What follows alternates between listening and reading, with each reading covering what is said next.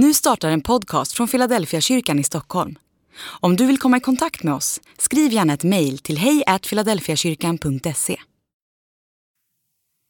Dag 275 Lackmustest Men Andens frukter är kärlek, glädje, frid, tålamod, vänlighet, godhet, trofasthet, ödmjukhet och självbehärskning. Mot sånt vänder sig inte lagen. Galaterbrevet kapitel 5, vers 22 och vers 23. Kommer du ihåg när man gjorde lackmustest i skolan? Jag är osäker på om man håller på med sånt fortfarande, men på min tid var det ett av de första experiment vi fick göra i kemin.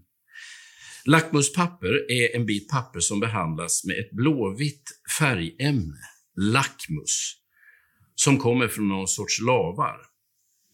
Lackmuspappret har en enda funktion och det är att visa på surhetsgraden i olika vätskor. Om vätskan är sur blir pappret rött och om den är basisk så blir pappret blått. Experimentet visar på en enda sak och det är just detta faktum som gör att man ibland använder uttrycket lackmustest i överförd mening, som en tydlig indikation i en enda avgörande fråga. Det finns ett lackmustest på trons inflytande i ditt liv. Det handlar inte om hur många bibelord du kan. Det handlar inte om hur ofta du går i kyrkan eller hur mycket du är engagerad i social verksamhet. Nej, trons lackmustest ställer frågan om jag är trevligare i år än jag var förra året. Är jag en bättre man, en klokare chef, en mer kärleksfull pappa?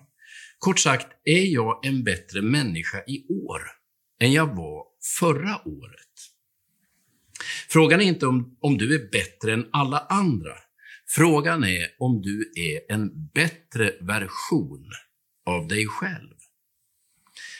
Det är vad Andens frukter handlar om. Att du år efter år blir en allt mer trevlig, omtänksam, tolerant, generös och kärleksfull människa.